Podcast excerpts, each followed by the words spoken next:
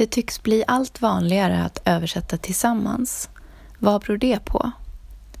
Finns det en översättarensamhet som håller på att brytas upp? Hur talar man med en röst när man är två? Och finns det gränser för vem som kan översätta vad? Nu ska vi höra författarna och översättarna Marie Silkeberg och Kristoffer Folkhammar i ett samtal kring översättningsarbetet med Hon är arg av Maja-Li Langvad och Medborgare av Claudia Rankin som de har översatt tillsammans med Johanne Lyckeholm respektive Jenny Tunedal. Moderator för samtalet var kulturskribenten Sara Abdullahi och det arrangerades av Översättarcentrum. Varsågoda och lyssna. Ja, nu är klockan 11 här i rum för översättning och vi har två gäster här. Skulle vara tre, men en har fastnat lite i trafiken. Eh, Sara Abdullahi som är eh, moderator för det här samtalet. Men jag tror att vi kan börja ändå med att prata om att översätta tillsammans, som ska vara temat. Vi har Marie Silkeberg och Kristoffer Folkhammar här. Och jag lämnar helt enkelt över ordet till er. I väntan på Sara så, så kör vi igång, eller? Ja. Känns det Ja, bra? ja. Ja. Bra. Då får ni berätta lite om hur ni har översatt tillsammans. Och vad. Ja, vi hade egentligen redan lovat Sara att vi skulle presentera oss själva. Så då gör vi det. Jag hoppas att Mm. hon glider in medan vi presenterar oss själva. Mm. Kan jag. Mm. Det Vill så. Eh, ja, jag heter Kristoffer Folkhammar och jag är författare och litteraturkritiker och jag har översatt boken Hon är arg av Maja-Li Langvad från danska tillsammans med Johanne Lyckeholm.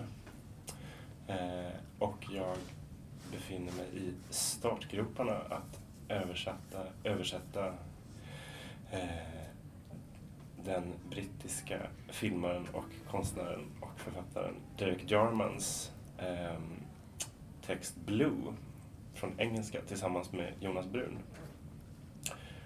Det är min ingång till att översätta tillsammans. Mm. Och jag är, heter Marie Silkeberg, jag är poet. Eh, jag, det första jag gjorde var faktiskt att översätta av alla författare jag kunde välja så var det Marguerite Duras jag översatte och innan jag gav ut min första bok. Och sen har jag översatt eh, amerikanska poeter och eh, Inger Christensen från danska. Och jag är upp, född och uppvuxen i Danmark så att danska, jag är liksom tvåspråkig från början. Så att det är liksom väldigt mycket min ingång till översättning överhuvudtaget. Tvåspråkighet. Som en, någonting som jag väldigt ofta behöver upprepa, som jag tror att jag upprepar genom att översätta. Försätta mig i det här att befinna mig mellan två språk är väldigt viktigt för mig när det gäller allt språk. Också att skriva själv. Och jag har också haft någon slags periodicitet av att jag skriver en diktsamling och måste, har nästan alltid minst en översättning mellan till nästa diktsamling. Som att jag tömmer mig själv på något sätt från mitt eget språk och går in i någon annans för att komma vidare till nästa bok. Jag har en fråga till dig. Mm, kör. Eh, ganska nyligen har ju du översatt två amerikanska poeter tillsammans med andra till svenska. Rosemary Waldrop och Claudia Rankin. Var det rent liksom arbetsmässigt, var det två helt, var det två helt olika processer? Eller påminner de om varandra på något sätt? Alltså just den kollektiva aspekten. Jag har ju översatt en till då, alltså Inger Christensens alfabet som jag översatte med Men just det, just det. Jag har också tänkt på det inför det här samtalet att det är ju varför väljer man att översätta tillsammans olika böcker. Men de här tre har haft helt olika orsaker skulle jag vilja säga. Eh, Jag har tänkt på det i förhållande till Maja-Li Langvad. Att det kan hända att det finns böcker som befinner sig i ett sånt mycket större rum. Att man kanske behöver vara två Mm. för att göra rummet större. Som alfabet till exempel. Alfabet, eh, ja det också. Jag tänker ofta att det där med, om man har börjat som översättare, att vara ensam med att översätta så finns det någonting med att jag har också hävdat att, att jag måste pröva det mot mitt eget språk och det kan jag bara göra liksom helt ensam i någon slags intensitet, att ställa mig inför det. Och när det inte det finns då för man är två, det finns då den intensiteten och det blir väldigt intressant. och väldigt konfliktfyllt eller eh, generera någonting som, är- någonting som är mitt emellan. Och någonting annat uppstår där. Hej Sara. Hej. Ursäkta. Och du då? Du har valt att välja att översätta tillsammans två gånger. Ja, eh, men både, för mig handlar ju det helt och hållet, eller nej, inte helt, eh, till väldigt stor del, alltså det handlar om vänskap. Det handlar om att få göra någonting till, tillsammans. Mm. Eh, med Majas bok så började det också med att eh, Maja är min vän. Eh, och, att, och sen att Johanne och jag hade ett nära samarbete i ett annat sammanhang och ville fortsätta det helt enkelt och ville vara tillsammans kring någonting. Och jag söker, liksom jag har jobbat med ganska många olika saker eh, på litteraturfältet och den, liksom, den kollektiva aspekten av det är så viktig för mig. Jag håller den väldigt högt och tycker den är intressant. Um, och översättning är liksom ganska, lämpar sig ändå ganska bra för att arbeta tillsammans, tycker jag. Även om det kan vara liksom mäckigt rent praktiskt och logistiskt så är det just det där, eller jag vet inte om det är det du far efter, men helt enkelt. Just med översättning så är det väldigt bra att ha um, två hjärnor till hands och man eh, kan eh, pröva saker i, ihop med någon annan. Och om det då liksom, det är därför det här med vänskap är viktigt för mig, för det handlar ju också om att man då jobbar ihop med någon som man litar på och har förtroende för och eh, vet på ett ungefär hur man ska gå i konflikt med och, och så vidare. Men Ja. nu frågar jag, snart ska du få fråga. Men för jag vet att du också har skrivit kollektiva texter väldigt mycket. mm. Du har gjort det, det är en Ja. riktig praktik. Vad är skillnaden då på att skriva kollektivt och att översätta kollektivt? Alltså det är klart att det är en, är, finns en, en, en, en, en stor skillnad på samma sätt som det finns en skillnad mellan att översätta och att skriva själv. Men annars så är det inte väsensskilda processer ju. Alltså jag tänker så här, översättningen är ju också handlar om att vara eh, att göra sig till medförfattare på något sätt. Så. Det är en fördjupad typ av läsning som, som gör en till medförfattare.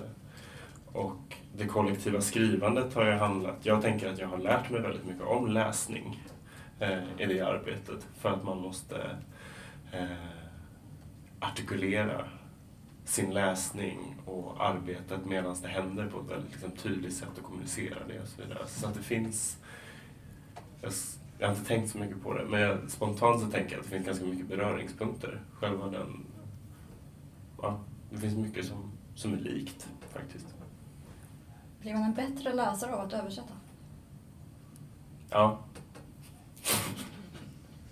alltså, jag vet inte. Jo, men det blir man säkert.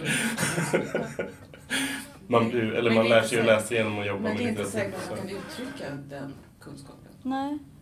Det är så tänker jag väldigt ofta. Att det är allt, allt jag kan om den här texten ska jag lä- lägger jag ner i översättningen. Det finns väldigt lite att säga efteråt. Mm. Mm. Jag tycker också att man lär sig att skriva väldigt mycket. Alltså för det finns någonting, det var också någon, för mig var det också en sån stor present att få jobba ihop med Johanne. Inte bara för att hon är en av de bästa personerna jag vet i livet, men för att hon är ett sånt översättargeni också. Och få vara i den sfären, alltså de otroligt så här fina eh, nyanserna, hur man väger synonymer till exempel, alltså väldigt konkret och värderar eh, ord på det sättet.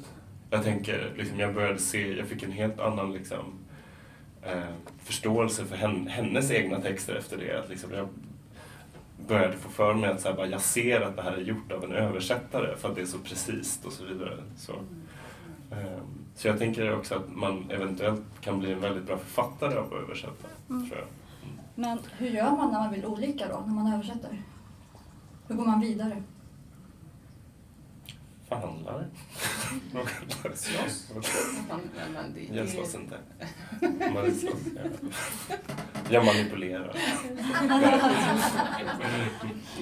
Eh, nej, men det, det, där blir, tar det också mycket längre tid.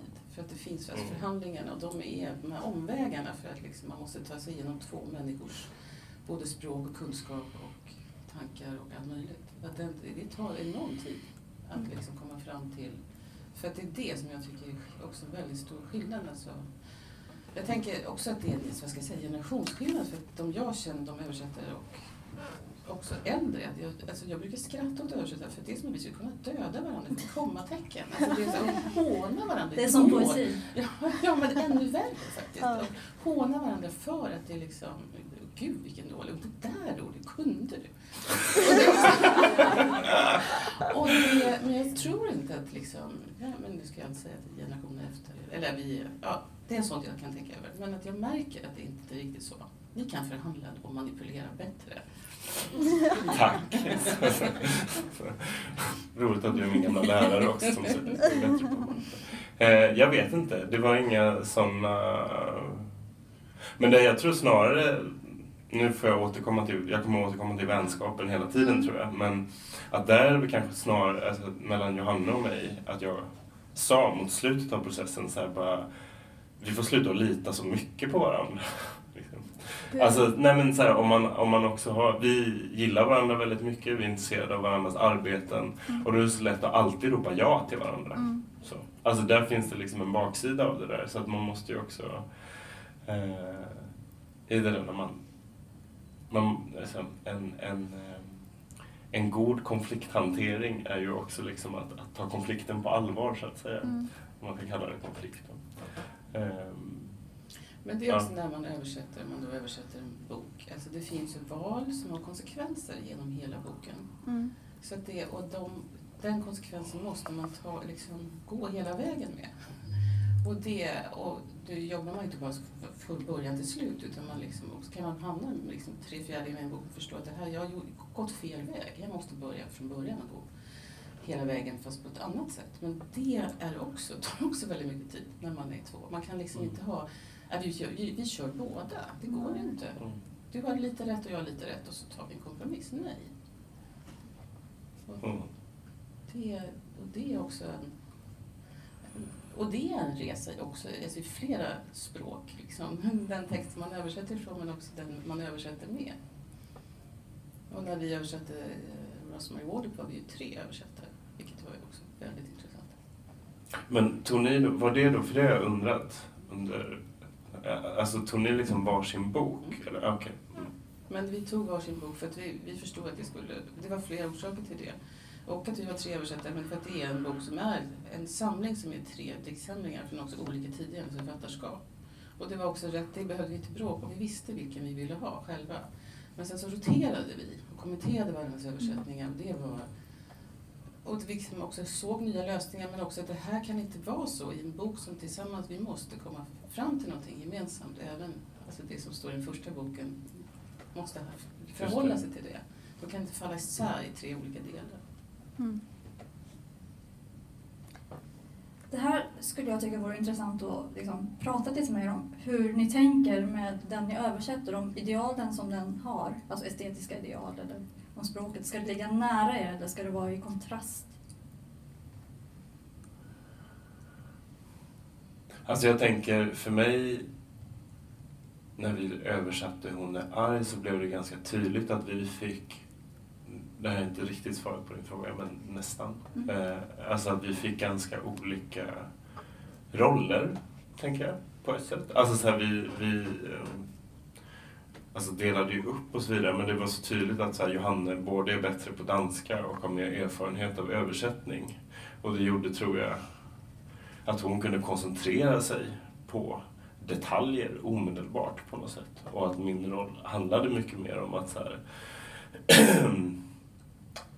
mm, liksom förhålla mig till eh, liksom, den danska textens integritet eller så. Något mm. mer eh, en, ett helhetstänkande på ett annat sätt kanske. Eh, och att vi, vi liksom att vi också fick lite olika roller i översättningen. Även om vi gjorde den tillsammans väldigt, väldigt tydligt så, så eh, stod det ganska snabbt klart att vi kunde olika saker. Så, eh, och då blev inte det en så svår fråga kanske. Så.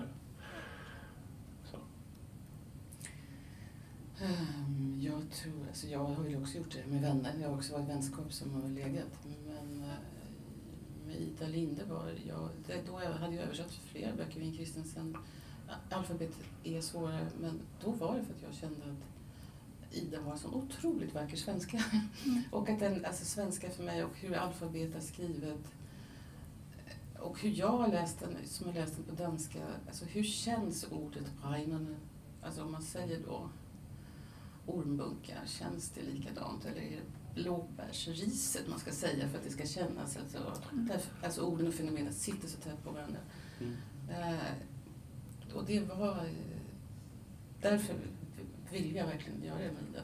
För att det kändes som att hon visste någonting om det. Den delen av språket på ett sätt och var säkrare än jag faktiskt är på svenska. Där jag inte kan säga hur det känns. Med Claudia Rankin är det ju också... Alltså det tänker jag, men det måste ju också vara som Maja. Alltså vad, alltså vilken, det är ju en jättestor fråga nu för tiden. Kan man översätta någonting som man själv har erfarenhet av? Alltså vad är det att översätta? Och Claudia Rankins är ju så uppenbart en bok om rasism. Och eh, han alltså, pratar ju om den. Jenny Tunedal, alltså som poet, hon, hon är en stenhård och fantastisk poet. Och jag vet, vi, jag vet att vi är olika, men jag vet inte riktigt på vilket sätt vi är olika. Jag bara vet att vi har olika ingångar till språket. Och det blev ju väldigt uppenbart också när vi arbetade. Men den eh, frågan och också när, alltså när det är någonting med rasismen för vita människor vill man gärna projicera den på andra.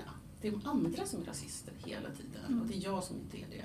Och sen plötsligt sitter man två människor och säger det är du som är rasist, inte jag. Mm. Och liksom, hur gör du det här? Och den, den diskussionen är väldigt våldsam faktiskt. Och den våldsamheten som också faktiskt den boken håller på med, språkets våldsamhet och språkets våld i det, var, eh, det var nästan nödvändigt att vi var, i alla fall just vi två, att vi gjorde det.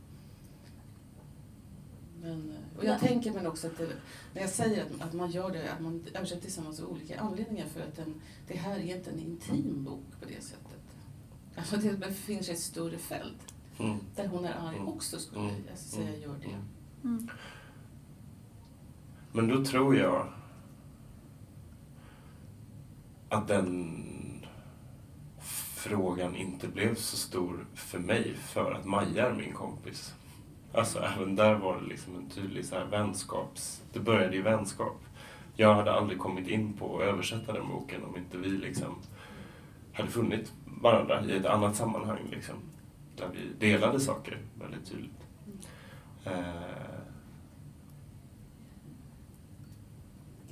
ja, det, det är den mot... mot men, men ändå, det, är skriven på danska, den här kommer i Danmark och betyder någonting i Danmark. När den kommer i Sverige och ändå handlar om väldigt mycket om adoption. Mm. Och det finns en annan diskussion om adoption i Sverige som ni kanske har pratat om som vänner, men det är i alla fall du och Johannes ska ta in den i. Alltså det var ju en stor fråga under arbetet naturligtvis. Men det är ju, tänker jag delvis någonting annat. Men det var ju väldigt tydligt att så här, det, det danska Eh, i Danmark fanns det liksom ett, ett etablerat adoptionskritiskt samtal på ett helt annat sätt som inte eh, har funnits i Sverige. Ehm, Maja Langvard har liksom varit en del av en kan- Ja, jo, jo, man kan nog säga en rörelse i offentligheten. Liksom. Det har funnits ord som inte finns på svenska, till exempel. Där vi fick eh, uppfinna saker och även liksom höra oss för, fråga folk. Eh, söka upp liksom de få personer i Sverige som hade hållit på med de här frågorna och så vidare. Alltså så, på, eh, kunna göra liksom eh, överföringar som höll liksom. Eh, Vad var det för personer? Tobias Hübinette hjälpte oss väldigt mycket. Men och, ett sånt där ord som jag vet att vi funderade mycket på som har med det att göra var eh, det danska ordet eh, bönehöster som översatt blir liksom, rakt översatt blir barnaskördare. Typ. Alltså som relaterat till eh, liksom ett väldigt cyniskt och manipulativt sätt att liksom skaffa barn för adoption. Liksom.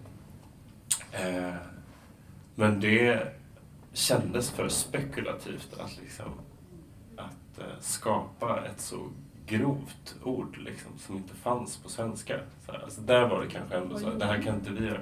Vi tog barnahittare, fick det bli. Mm. Eh, så. Det, var, det vet jag var svårt. Så. Det kommer jag ihåg som, Mm. eh, så att vi satt mycket mer, som har med de sakerna att göra. Att, att en känsla att men det, det är inte vi som ska formulera den här begreppsapparaten. Alltså, så. Men hade Maja synpunkter som inte du hade tänkt på i översättningen? På vår översättning? Ja. Som, som har med Eh. adoption att göra och liksom någonting som hon tyckte var problematiskt. I översättningen eller Ja. så? Nej, inte som jag. Vi hade liksom kontakt med henne och frågade, eller Mm. Henry och hade... Nej, inga, inga stora saker som jag minns faktiskt. Nej. Marie, du har ju berättat där i min podcast, men för de som inte har hört det här avsnittet, kan ni, det var väldigt fint när du berättade om hur du hittade Claudia, alltså hur du kom på att du ville översätta medborgare. Mm. Ja, men jag, då var jag i USA och eh, jag hade läst hennes bok innan och inte som många andra läst andra böcker av henne så mycket. Men hade hittat den i bokhandeln och jag blev också väldigt intresserad av det här alltså du-tilltalet och att den är skriven i andra person. Men då träffade jag henne och eh, hörde henne och blev helt alltså, besatt och var så tagen av henne, hennes dikter och hennes sätt att tala om rasism som jag kände att jag, liksom, det fanns inte i Sverige. Jag bara kände att åh, kan inte hon komma till Sverige och prata för att det skulle betyda så mycket. Men då stannade hon där vi var och skulle komma på en fest. Och hon hon kommer vara, hon kom, är jättetrött, hon kommer bara vara en kvart och jag var Ja, sen skrattade folk för att jag var som en kamikaze-pilot. Så jag bara liksom gick rakt på henne och sa jag, liksom, jag vill översätta din bok. Tror du att jag kan göra det som vit människa? Och jag visste att jag var tvungen att fråga henne. Och det, jag visste också att hon var en sån person som skulle kunna säga nej, gör inte det. Det Mm. finns väl, ni har väl andra. Men hon sa, men du är poet, du kan. Gör det. Och det betyder jättemycket för mig att kunna göra det. Alltså, som du säger, med vänskap. Alltså, att någonting som, någonstans där en översättning säger ja till på något sätt. Du kan göra det här. Det är väldigt viktigt. Och för den boken var det helt avgörande för mig. Att känna att det var och att det fanns, jag kunde liksom, jag menar, så kan man såklart fråga i ett mycket större sammanhang om det kan gälla, men jag tyckte, jag kunde, kan svara på andra sätt också. Att jag tyckte att det fanns en mening med att, att som vit översätta det. För att det fanns också vissa, jag menar, det finns en ord i den här boken och eh, för mig är det helt omöjligt att använda det. Jag förstår att det finns i boken, jag förstår att hon använder det, men som vit kan inte jag göra det. Mm. Och det och, så det perspektivet på något sätt, som man säga, den, liksom den vita eh, läsandet, läsarna finns på något sätt i översättningen redan. Men som du säger, att man, man, eller med, att man gör någon slags brygga mot sitt, sin kontext, sitt sammanhang och får liksom förstå att man också är ansvarig för det och göra det så, så bra man kan. Så tänker jag. Skulle du säga att ni fann vänskap i översättningen? Ja, Jenny, Nej. Jag och Claudia. Ja. Eh,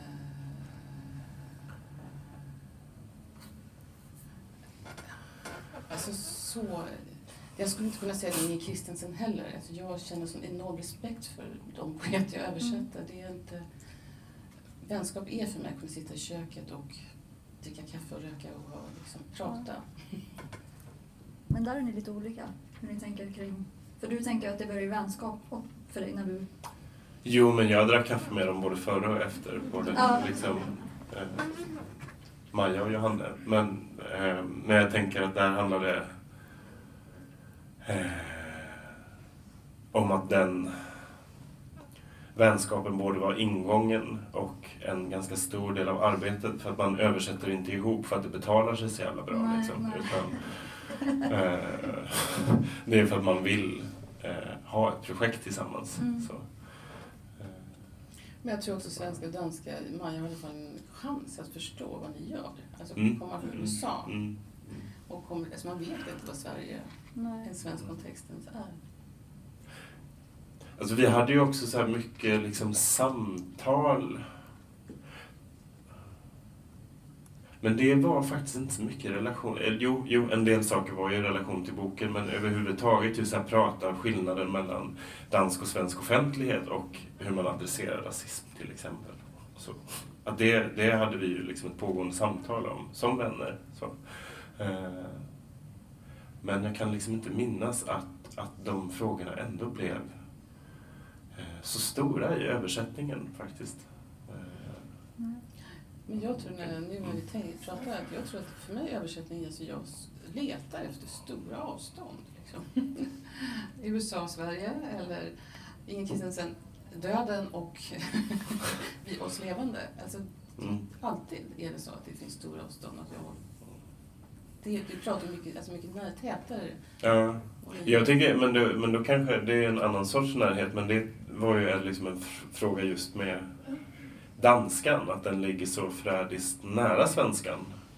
Eh, rent vokabelt många gånger, men att man ändå måste så här, köra om grammatiken ganska mycket och eh, liksom förhållandet mellan eh, talspråkighet och skriven text ser helt olika ut. Och hon är arg är en text som markerar talspråkighet väldigt mycket i sin danska. Så här, vad gör man med den och så vidare. Ehm, så där, där tänker jag att det handlade väldigt mycket om en, en um, förrädisk närhet på många sätt. eh, som man var tvungen till att vara uppmärksam på. Någon gående säger Jag tror tyvärr att vi måste runda av här. Jaha, Okej. Oj, vad tråkigt. Det är alltid så här. Det är så Ja. spännande. Men vi har ett schema att hålla, Mm. tyvärr. Okej. ehm, Det sa jag vill inte gå och Det se. inte. Vad sa du? Sa jag vill inte gå och se. nej, jag Nej. vet jag vet inte det. Eh, Men, eh, ja men... ehm, läser ni högt för varandra när ni översätter? Ja, ibland. Absolut. Ja. Jag det. Nej, det gjorde vi fan inte. Nej. Men vi läste ihop efteråt. Okej. Ja. Men, Det är eh, säkert bra. ja. Tack. Tack.